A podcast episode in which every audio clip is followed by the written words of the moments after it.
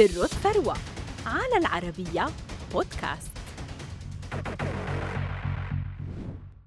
خمس سنوات فقط كانت كفيلة بجعل جان كوم أحد مليارديرات العالم وذلك بعد تصميمه تطبيق واتساب الذي غير طريقة المراسلة في العالم فأصبح يستخدمه اليوم أكثر من مليار شخص في 180 دولة وقفز بثروة جان كوم لتصل إلى عشرة مليارات دولار. فما سر هذه الثروة؟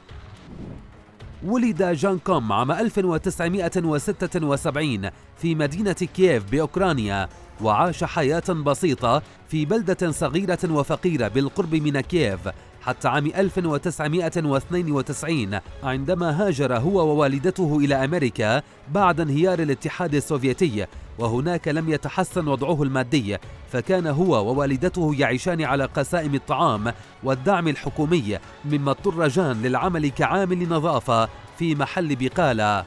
ورغم سوء الأحوال التي عاشها جان فإنه أتقن البرمجة في عام 1994 بعدما تعلمها بنفسه عن طريق قراءة كتب البرمجة التي كان يستعيرها من المكتبة.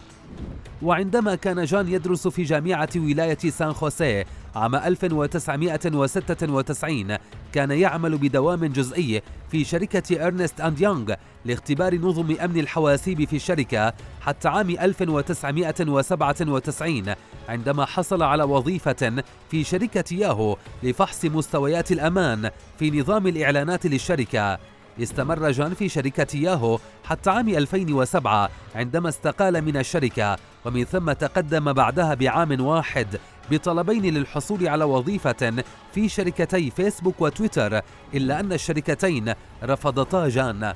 جاء عام 2009 واشترى جان جهاز آيفون وتصفح متجر التطبيقات على الجهاز وأدرك على الفور إمكانيات هذا المتجر بعد إطلاقه بسبعة أشهر فقط. فقام جان في نفس العام بتأسيس شركة واتساب بعد حصوله على دعم بقيمة 250 ألف دولار من عدة مستثمرين وبعدها بعام واحد أطلق تطبيق واتساب ماسنجر وكان التطبيق متاحا لمتجر آيفون فقط.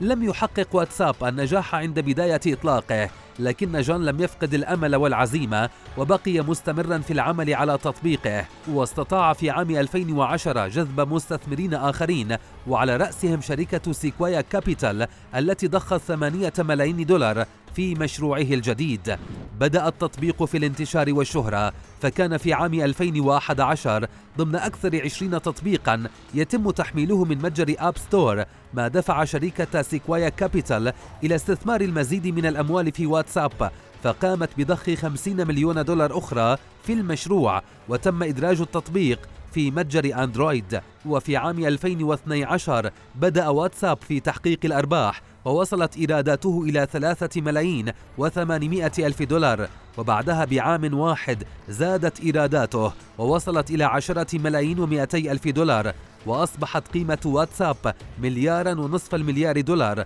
وأصبح يستخدمه أكثر من 200 مليون شخص حول العالم. جذب النمو السريع لواتساب أنظار فيسبوك التي قامت في عام 2014 بشرائه بقيمة 19 مليارا و600 مليون دولار مقسمة بين مبلغ يدفع نقدا وأسهم في فيسبوك. وعلى إثر عملية البيع دخل جانكوم قائمة مليارديرات العالم بثروة وصلت وقتها إلى 6 مليارات و600 مليون دولار استمرت بالنمو بسبب أسهمه في شركة فيسبوك حتى وصلت ثروته في عام 2021 إلى عشرة مليارات دولار.